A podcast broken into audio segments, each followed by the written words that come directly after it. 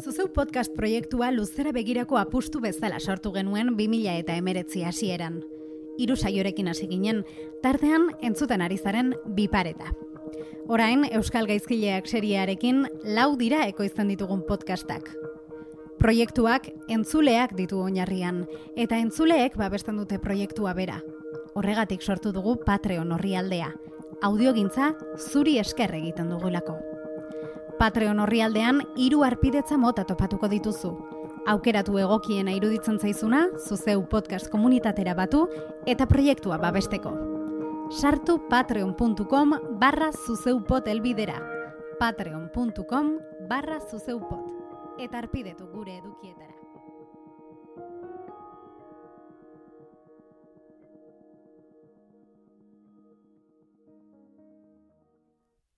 Euskal Herri osoko herri gehienetan dago baten bat, edo egonda behintzat. Eraldaketa sozialerako tresna ezinbestekoak, herritik eta herriarentzat eskainitako espazioak dira. Kaixo, zer modu, Zarrate Hernandez oiarbide naiz, eta hau, bipareta da.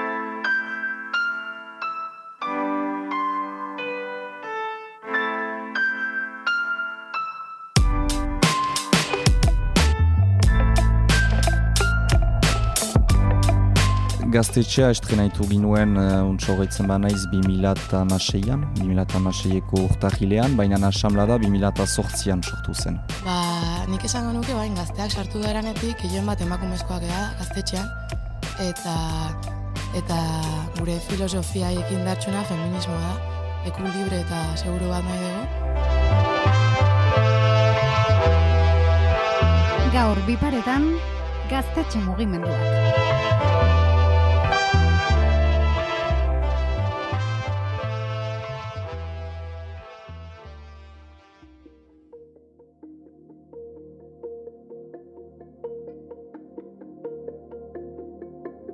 Mugimendu ezagutuko ditugu. Baionako zizpa batetik. Gaztetxa bera lortu baino lehen jaio zen mugimendua. Ara, eta bazen izan zen beste belaunaldi bat, orain uh, gaztetxe, gaztetxetik joan dena, baina uh, lehen belaunaldi horrek zuen, uh, zuen uh, berrabiatu errango nuke uh, gaztetxe baten, uh, gaztetxe baten aldarrikapena, baiona gaztetxe baten ukaitea. Solairu bakarrekoa oraingoz.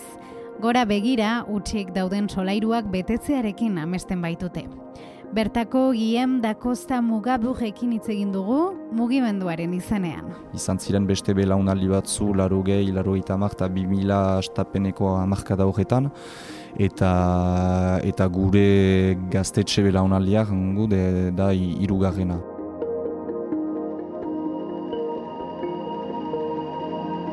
Eta bestetik, irungo lakasita. Jende eta mugimendu asko pasada bertatik, hainbat proiekturen kabia ere izan da.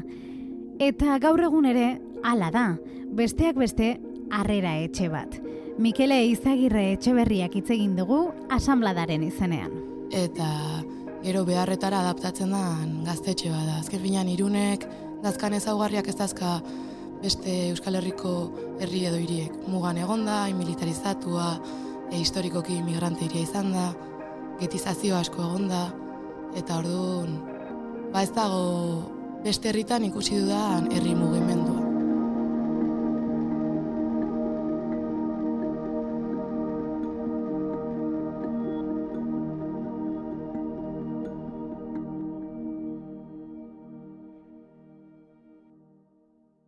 Eta ikuspegi orokorrago bat emateko, Euskal Herriko gaztetxe eta okupazio mugimenduak gertutik bizi eta ikertu dituen soziologoa gonbidatu dugu.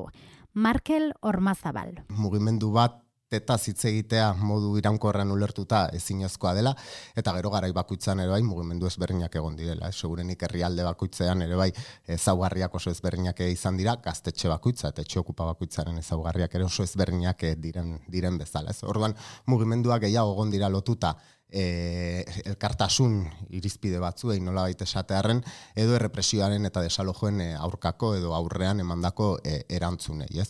Egia da ere bai, ba, bueno, ez, saiatu izan direla, topaketa eta koordinadora ezberdinak e, e, sortzen pixka bat gaindutuko zutenak errepresioaren e, testu inguru hori, baina, baina esango nuke gutxo gora bera, ba, ba, ba horrela sortu, sortu izan direla, ez? Belaunaldiz belaunaldi ingurua eta ingurukoak esnatzeko lanean aritu dira gaztetxeak, eta horrek norberaren ere eremu berriak deskubritzea dakar. Nik uste antolakuntzarako gaitasun bat, maila, maila pertsonale, maila pertsonalean, gauzak manera aski karatuan uh, antolatz, antolatzearena. Uh, jende baten aintzinean hitz egiteko errestasun gehiago. Zta sambladan sartzean, astapenean, uh, uh, pixkat ahalgezira astapenean, eta pixkanaka lortzen duzu ahalgetasun hori uh, bazter batera ematen, eta zure posizioak afirmatzea edo beldurri gabe hitz egitea. Eta horrek uh, balio du uh, eguneroko, eguneroko bizitzaren zat. Eta gero ere ba, laguntza eskatzen ikasteko. Ze hori guziut askotan ez, ze prestatzerakoan laguntza eskatu behar dezula, eta ez dakagula ohitura hortako. Nahiago degula gureka guzteoz egin, ez? Ta, hau dela kooperatiboa eta autogestioa eta denon artean dala dana. Bizirik dago gaztetxe mugimendua, gauzak aldatzeko grinak sutzen du. Momentuko egoerak gidatuta, hainbat izan dira espazio bakoitzak hartu dituen bideak. Denak, gure herriko historiaren parte dira. Gaur egun, okupazio eta gaztetxe mugimendua deitzen diogun hau sortzen da irurogeita margarren amarkadaren amaieran. Horrek ez usan, aurretikan okupazioak egoten ez zirenik, noski harin ez hitz egiten gaur egun e, mugimendua hitz egiten dugunean, guztio mhm. pentsatzen dugun e, horretaz, ez? E, kontestu oso berezi batean ematen da, trantsizio erregimen, e, bueno, diktaduratik e, kakotxe tartean, erregimen demokratiko orako igaro bidean, e, e, auzo elkarteak goranzkoan e, daude, lehenengo okupazioak ematen dira bereziki edifizio publikoetan Estatu Espainiarra hitz egiten ari, nahi ziri handietaz, eta hoien artean Bilbo batean ere bai, okupazio mugimendu horrek edo okupazio hori oso lotuta dago auzo elkarten e, e, lanarekin eta etxe gabeko goen e, hartatzearekin nolabait esatearen, ez? Baina kontestu horretan gertatzen da beste kontu bat, eta da, e, ordura arte, sindikato vertikala zegoen bezala, diktadurak ere bazuen e, gazte antolakunde bat, izena zuena OGE, Organización Juvenil Española, eta e, Franco Ilostean e, aipatutako trantsizio e, garai horretan, e, OGE desagertu egiten da, eta OGE erenak ziren e, milaka eta milaka lokal herrietan utxi gelditzen dira. Ez.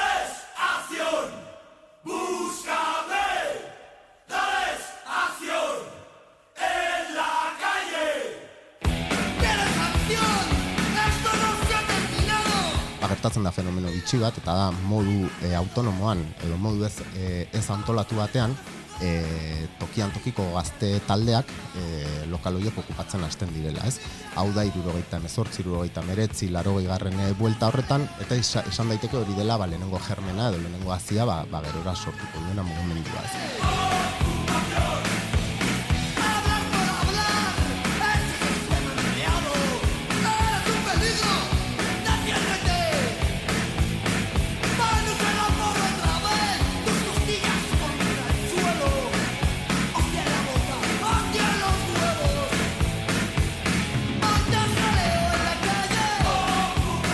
Baionan ere okupazioarekin hasi izan dena.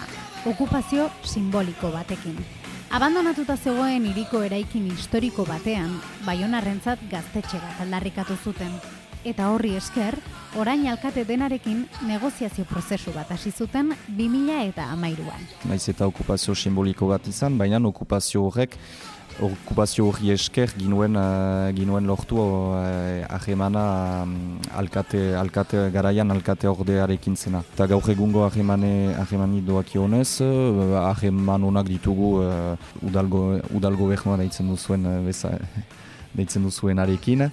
Eta horrez gain, eta hori baino are antzu importanteango, errango nuke, ahreman hona ditugula ere eh, erriko langileekin, funtzio, funtzionarioekin. Laro eta margaren amarkan, e, zerilera zen fabrika zarra okupatzen da, gaztetxe moduan, baina bila bete do irautegu, erreiten dalako.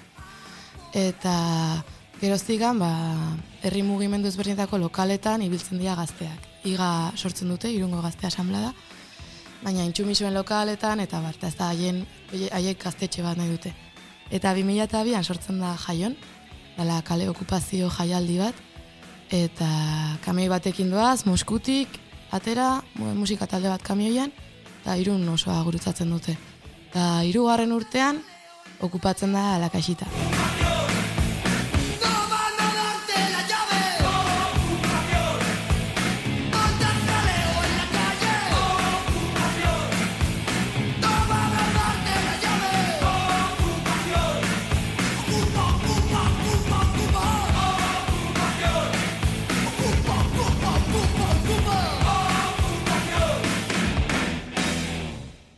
Udalaren laguntzaz edo ez, autogestioa gaztetxe komunean duten ezaugarri bat da. Hemen barruan ere bai, eredu ezberdinak eh, daudela, eta ekarriko dut igual donostiaren eh, edo donostiara kasua ez, e, donostian badaude e, gaztetxeak okupatuak izan direnak, eta, eta autogestioa hasieratikan e, garatu dutenak, baina badaude adibidez antigoko txantxerreka gaztetxea izan daiteken e, kasua, non e, sleipen edo sesio baten bitartez e, mandako espazioa den, naiz eta espazioa bera hasiera hasieratikan ere bai autogestionatua izan den era bat, ez?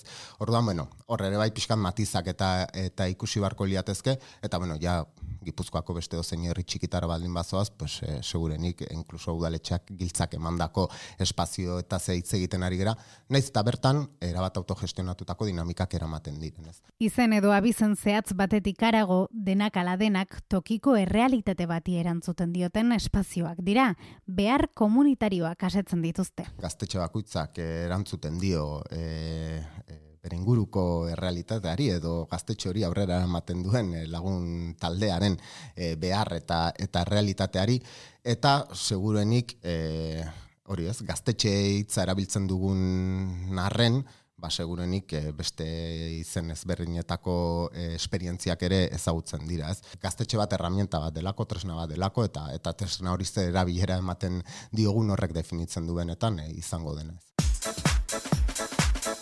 Baionan, Euskararen egoerak zehazten du batez ere gaztetxearen norabidea.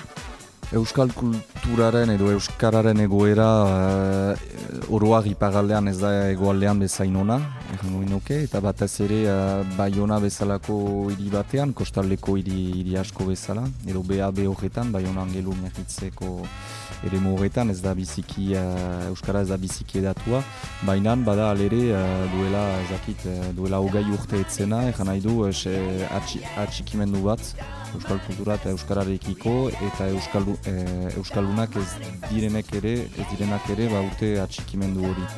Eta gaur egun egaten alda e, jendearen ikuspundua euskararekiko oso positiboa dela, duela, duela hogei urte etzen.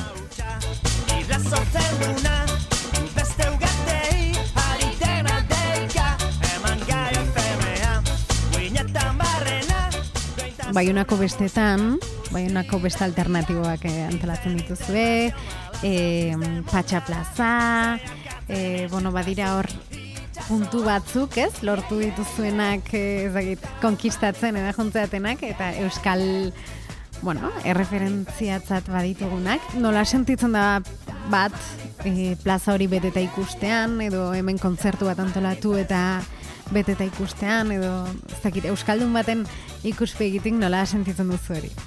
Ba, mm, e, Patsa plazarena doak ionez, e, Bayonako bestetan, beraz Bayonako besta alternatiboena, deitzen, deitzen duguna. E, manera oberena nire iduriko oartzeko zer den da, patxatik joatea eta baionako itzulitxo bat egitea ikusteko nolakoa den giroa. Eta eta hori itzulitxo bat egin duzunean, e, berriz e, patxara diten zirenean, hor zira zinez oartzen e, zer den leku hori oasis tipi batean, tipi batean zira eta horretaz, horretaz oartzen zira berriz, berriz eldu zirenean.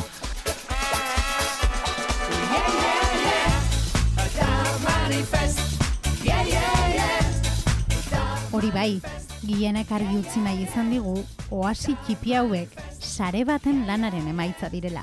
E, gaztetxak ez dira espazio edo proiektu isolatuak, e, batzuetan ematen du txampiñoiak direla, ez, edo ugartetxoak hiri baten, e, hiri gris baten e, e, barruan, baina azkenean e, testu inguru batean daude, kontestu espazial batean, e, komunitate baten e, parte dira, eta eta ezaugarriak ere bai, e, segurenik komunitate horrenak edukiko ditu gutxi asko, ez. Irungo kasuari erreparatuta bestalde, migratzaile asko jaso dituen hiria izan da historikoki.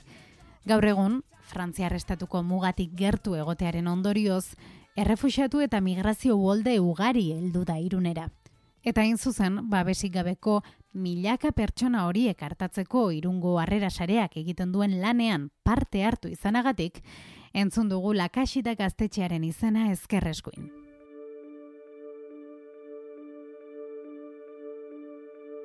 Harrera sarearena inork ez da gizeatz mehatz nola bukatu zuten lakasitan justo udaran lakasitaneko geldirik dagoelako eta hola e, asambladetan eta egoten gean e, buruak e, kanpoan zeuden proiektu ezberdinekin.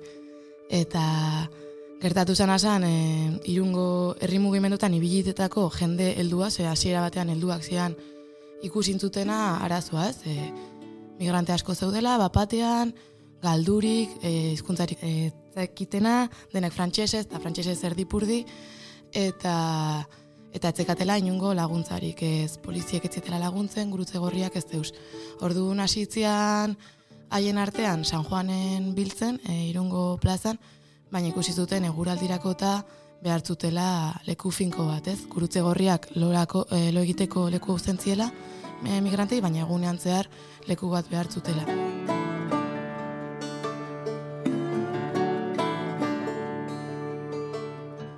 biltzeko, informazioa jasotzeko, elikatzeko eta arropaz eta aldatzeko. Orduan, lakaxita utxik zegola, bueno, utxik, erabiltzeko zegola jakin zuten, eta baten bati okurritu intzitzaion, eta ara juntzian. Eta lakaxita moldatu egintzan zehose, ez ditulako baldintzak betetzen, ez gaur, gaur egun ez da, nahiz obrak egin, e, bueno, komunak egin zian, dutxak, sukalda pixka txukundu, eta, eta neontzian.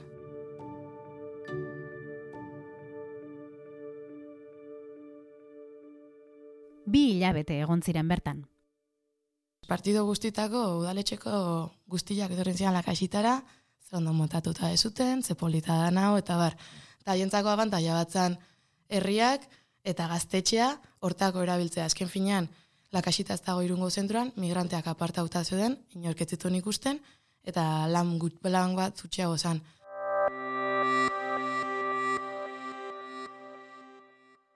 Ze, naiz eta gurutze gorriak e, lotarako oeak eskaini baldintza asko jartzen zizkien, eta nahiago zuten, lakasitan egunean zehar bakarrik zitezken barruan, baina kanpoan plastiko batzuekin montatu ingenien karpa moduko bat, eta han nahiago zuten egotia. Urtebete pasada dagoeneko lakasita utzi zutenetik, egoera goberna gaitza bihurtu zen, beste mota bateko kudeak eta eskatzen baitzuen. Baina arazoa ez da amaitu, ez da gutxiagorik ere. Orain San Juanen daude, harrera saregoak e, kokatua, eta han egoten dira gunean zehar, ez dakat egungo zentro bat, bilduko ekusteiete lokala ropa antzako eta bar, baina ez dakate hola e, lekurik egunean zehar egoteko.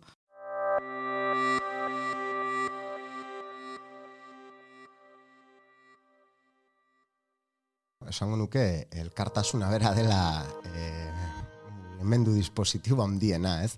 E, elkartasunak mugitzen gaitu eta gaztetxen kasuan hori oso argi gelditu da. Lehen aipatu dut Euskal Jaien kasua, e, laro gaita margarren amarkada maiera, bimila garren urte hasiera hoiek, e, gaztetxeak bazeuden, baina garaiko kontestu soziopolitikoak ere bai e, nahiko zail eta berezik gatazka politikoaren ondorioz eta ba, bueno, beste dimentsio batean edo kokatuta zeuden, ez?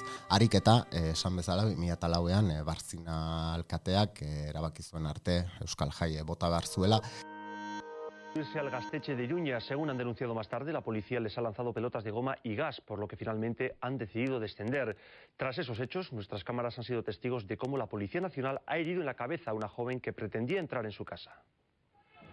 Izugarrizko resistentzia egon zan, e, ikuste eredugarria eta eta piztu zituena, ez? Arra desente Euskal Herri luze zabalean, gogoratzen ditut horruko manifestazioak irunean izugarriak izan ziren, eta lehen esaten nuen bezala, gauza bitxi bat egon zen, eta da, ez zu posible duzu, elkartasuna mugatu errepresio, errepresiora ez, eta pasa dezakezu bizitza guztia errepresioari erantzuten, baina e, garai horretan e, gertatu zen gauza bitxi bat, eta zen, e, erantzunak aktibatu zuen jendea, baina e, urrengo urtean sekulako okupazio eta gaztetxe berri pila ezagutu ziren Euskal Herrian, ez? Eta lehen esaten nuen bezala orduan ere, ba berriro koordinadorak eta sortzen sortzen hasi ziren. Esan daiteke, e, Marabillas e, gaztetxearen desalojoaren bueltan egon diren e, mugimendu guztiak ere antzeko efektua e, eduki dutela, ez? Eta zer esan, pues adibez kukutza, e, Bilboko kukutza, Errekalde auzoko kukutza dekin e, gertatu zen, ez?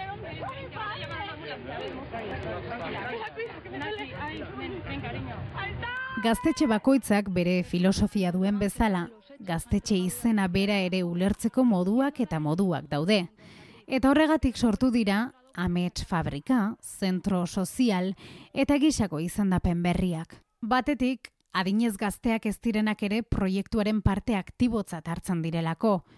Eta bestetik, gatazka politikoak utzitako arrastotik aldentzeko behar bat sentitzen delako. Osa, ideia politikoa dira, obviamente, osa, dena da politikoa, baina, baina berez, e, a, garai batean segirenko bazula izan zen, eta hori ezken unen ez nahi, bez ez dago ezer nahi, ezia, bidaso aldean badaude, baina ez ditugu ezer nahi eziarik, ez inungo la partidu konkreturik nahi, ez dugulako nahi ere, dena olakoa izatia eta gero ere gatazketan ere ez dugulako sartu nahi. Individualki gazta esanbladan edo nor sartu daiteke, edo zein pentsa molde politikoin, a ber, estrema derechakoa ez.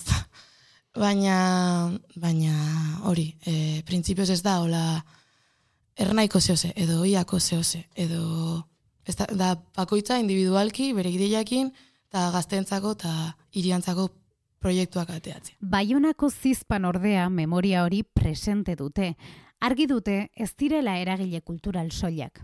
Gaztetxe guziak bezala militante, militantea da ere, eta baditu balore, balore politiko batzuk, ez gira soilik uh, kultur gintzan, uh, ez dugu soilik kultur gintzan ko, kokatu nahi. Hala erakusten dute gaztetxea jantzten duten mural, bandera eta paretetako presoen argazkiek. Hemen diren uh, argazkiak, hor diren presoak guziak dute harreman bat baionarekin edo baionak sortu dira, baionan bizi izan dira, edo familia dute baionan, bizitza bat, hemen diren presoan da, bizitza bat uh, ukan dutenak uh, ba, baionan. Horregatik dira hemen eta eta baziren gehiago, eta zorionez uh, argazkiz ez gehiago ez direnak. Baina, uh, gelditzen dira gehienak oraindik uh, muhu gainean dira.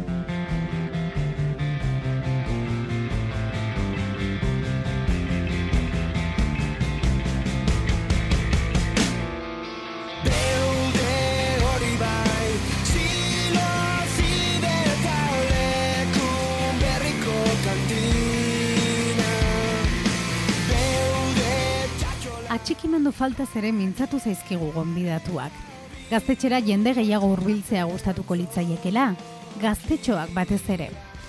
Gure iruditeria kolektiboan gordeta dauzkagun simboloek eragina izango aldute horretan.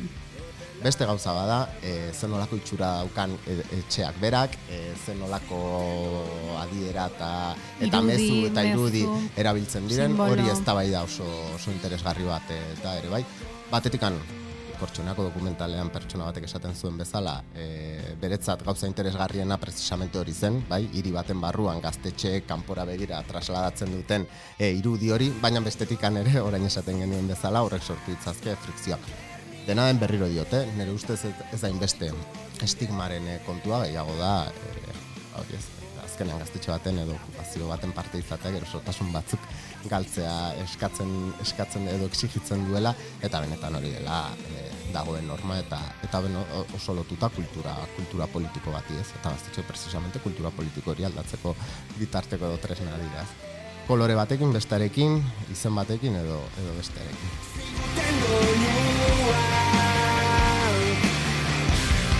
Zurekin bizita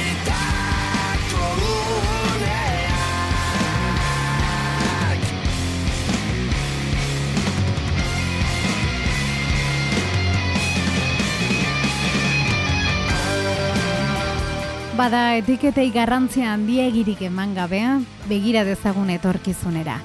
Izan garena eta gaur garena ere antzi gabe.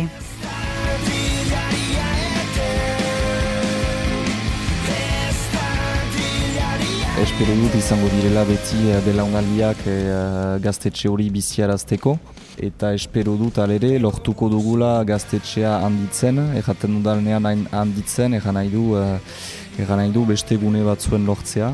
Ba, niko hain ikusita ondarribiko gaztetxea da, hola, berria sortu dutela, gazte asko animatzen nahi dela. Ba, nahi gustatuko litzaiak eta nik uste posible dela, hori irungo gazte, gazteek hori guztea, enbidia pixka bat sortzea eta gure gana etortzea. Eta gero haiek lagasita hartu eta nahi duten nahi dezatela.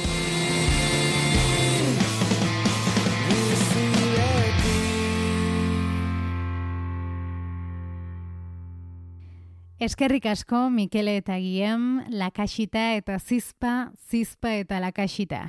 Eskerrak zuri ere, Markel. Jarrai dezazuela munduari eta mundutarrei zabalduta, euskaraz eta euskal herritik. Mila esker zuri ere entzule, datorren astera arte.